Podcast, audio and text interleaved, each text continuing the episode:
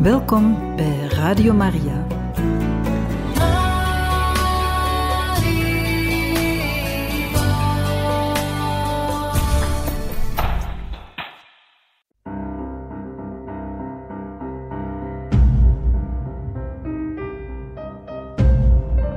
Het woord spreekt.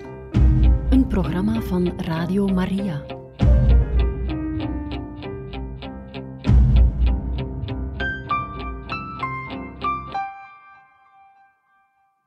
Beste luisteraars, van harte welkom bij het woord spreekt. We lezen in de Handelingen van de Apostelen vanaf hoofdstuk 6, vers 7. Het woord van God bleef zich verbreiden, het aantal leerlingen in Jeruzalem werd nog veel groter. En ook een grote groep priesters aanvaarde het geloof. Door God rijk begunstigd met kracht, deed Stefanus grote wonderen en tekenen onder het volk. Maar enkele leden van de synagoge, van de vrijgelatenen, afkomstig uit Cyrene, Alexandrië, Cilicië en Azië, begonnen met Stefanus te disputeren. Ze waren echter niet opgewassen tegen de geest en de wijsheid waarmee hij sprak. Daarna instrueerden zij enkele mannen om te verklaren. We hebben hem lastertaal horen spreken tegen Mozes en God. Zij maakten stemming onder het volk en de oudsten en schriftgeleerden. Toen pakten zij hem op en sleepten hem voor het Sanhedrin. Daar schoven zij valse getuigen naar voren om te verklaren, die man preekt onophoudelijk tegen deze heilige plaats en de wet. Zo hebben wij van hem horen zeggen dat die Jezus, de Nazareër, deze tempel zal afbreken en de zeden en gewoonten zal veranderen die Mozes ons heeft overgeleverd. De ogen van allen die zitting hadden in het Sanhedrin waren op hem gericht. Zij zagen in zijn gezicht het gezicht van een engel.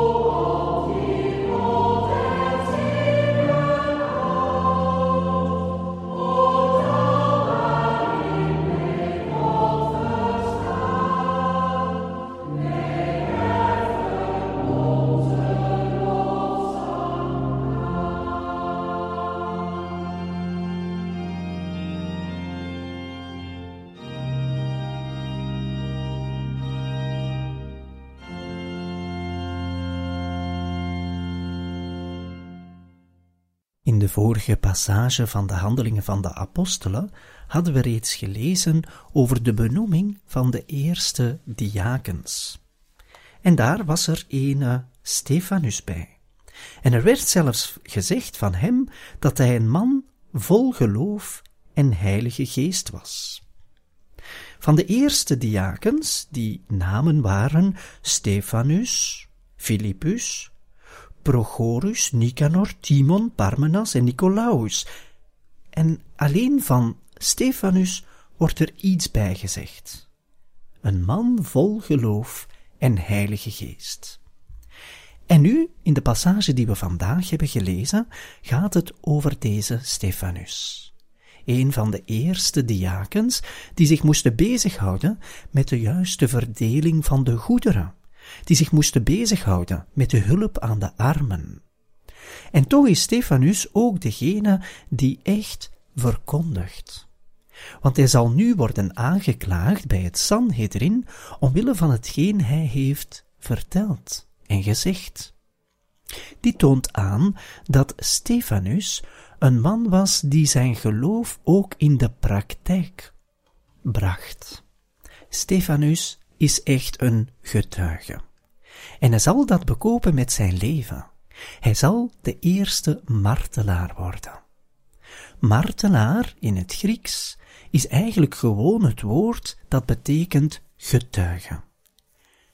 De martelaar Stefanus is de getuige, een getuige van Jezus Christus. Tot nu toe hebben we in de handelingen van de apostelen voornamelijk de getuigenis gehoord van de heilige Petrus, die vaak samen met een andere apostel of meerdere naar de tempel ging om te prediken. En we hebben al veel gelezen van wat Petrus heeft gezegd. En nu horen we dat ook Stefanus zal prediken. Hij zal getuige zijn van Jezus Christus in zijn daden en in zijn woorden. Hij was dan ook vol van geloof en vol van Heilige Geest. Het is dus niet alleen op de apostelen dat de Heilige Geest is gekomen, maar ook op de leerlingen, of zeg maar beter direct, op al de gedoopten. En dit vergeten wij soms. Wij zelf, die gedoopt zijn, we hebben de Heilige Geest ontvangen. En het is die Heilige Geest die ons inspireert om, indien mogelijk, ook zelf te kunnen getuigen getuigen in onze woorden en in onze daden. En die twee kunt je niet scheiden van elkaar. Als we worden opgeroepen om te getuigen van Jezus Christus, is dat in woorden en in daden. Niet alleen in woorden, maar de daad op zich is een woord dat gegeven wordt als getuigenis voor de ander. Daarom horen die twee samen, in woorden en in daden. Maar vergeet ook niet dat die daden niet altijd uitbundig moeten zijn, groots moeten zijn voor het aanschijn van de wereld, maar het zijn vaak hele kleine details. De daden die wij soms zelfs in de grote eenzaamheid stellen. Bijvoorbeeld de eenzaamheid die wij opdragen aan de Heer kan werkelijk een getuigenis zijn. Een getuigenis die spreekt van ons geloof, die spreekt van het feit dat wij de Heilige Geest hebben ontvangen. Stefanus wordt opgepakt, en dit omwille van leugens. Een van die leugens is dat Stefanus heeft gesproken tegen Mozes en God. Waarom dat ze nu ineens spreken over Mozes? Wel, dat kunnen we misschien aantonen door het feit wat we hebben gelezen op het einde. De ogen van allen in het Sanhedrin, die zitting hadden, waren op Stefanus gericht. En dan staat er, ze zagen in zijn gezicht het gezicht van een engel. En als we dat lezen, dan zouden we eigenlijk moeten terugdenken aan Mozes. Weet u dat Mozes van wanneer hij van de berg kwam, met de woorden van God in zijn hand, geschreven op stenen, dat hij werd aanzien bijna als een engel. We lezen even in het boek Exodus, hoofdstuk 34, vers 29. Daar staat er. Toen Mozes de berg Sinaï afdaalde met de twee stenen platen van het verbond, was hij zich er niet van bewust dat zijn gezicht glansde omdat hij met God gesproken had. Maar Aaron en de overige Israëlieten zagen de glans op het gezicht van Mozes wel, en zij durfden hem niet te naderen. Mozes was in contact geweest met God, en daardoor straalde zijn gezicht. Wel nu, als we nu lezen in de handelingen van de apostelen, dan zien we een Sanhedrin die de ogen gericht houden op Stefanus. En ze zien in zijn gezicht het gezicht van een engel. Dat wil zeggen dat Stefanus straalde. Zijn gezicht glansde. Dat is het vol zijn van de Heilige Geest. Als je vol zijt van de Heilige Geest, dan zijt je eigenlijk in een continue ontmoeting met God. De eerste getuige, als martelaar na het Pinksterfeest, was dus iemand die voortdurend met God bezig was. Die God, ja zeg maar als een vriend, aannam.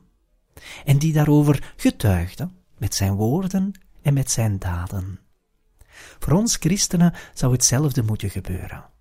Als wij met God bezig zijn, als wij vol zijn van geloof en heilige geest, en dat is eigenlijk onze roeping als christen, dan moet ons gezicht glanzend zijn. Dat moet ons gezicht zijn zoals het gezicht van een engel. Dat is natuurlijk een symbolische spraak.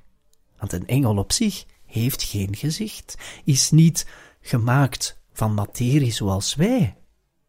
Maar het gezicht glanst als een engel, omdat een engel altijd met God in contact is.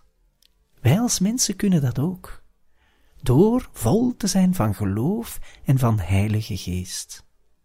En het is dus niet voor niets dat ze net Mozes zullen gebruiken, misbruiken zeg maar, om door een leugen Stefanus aan te klagen. Alsof Stefanus heeft gesproken tegen Mozes. Stefanus geleek op Mozes. En dat, wel, ze zagen dat ergens wel, maar ze wilden dat niet aanvaarden. En heel deze passage staat net na de zin die gesproken wordt, of beschreven wordt door de auteur van de handelingen, en die zegt het volgende, ook een grote groep priesters aanvaarde het geloof. Het gaat om aanvaarding. Het Sanhedrin aanvaardt het geloof niet. Ze zien het ergens wel, maar ze aanvaarden het niet. Zo zijn er vandaag velen, ook in onze maatschappij, dat ze het eigenlijk wel zien, ze voelen het wel aan, maar ze aanvaarden het niet. Dat was ook een van de eerste woorden in het evangelie volgens de heilige Johannes.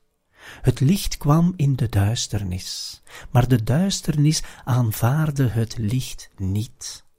Jezus is niet aanvaard geweest. Het geloof wordt niet aanvaard.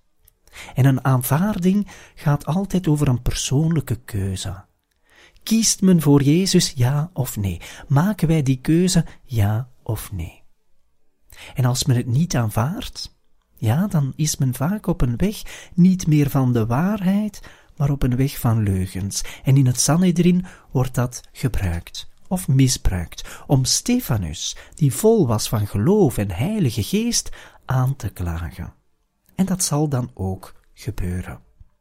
Die man preekt onophoudelijk tegen deze heilige plaats en de wet. Natuurlijk was dat niet zo. Stefanus sprak namelijk wel over God, maar over een liefdevolle God. Een God die met ons begaan is, een God die met ons meegaat in het leven. En zo zal Stefanus nu, voor het vervolg van de lezing in de handelingen van de apostelen, een toespraak houden. En wat hij zegt in die toespraak wel, dat zien we bij een volgende aflevering van het woord spreekt. Vandaag hebben we gelezen in de Handelingen van de Apostelen, hoofdstuk 6, versen 7 tot en met 15.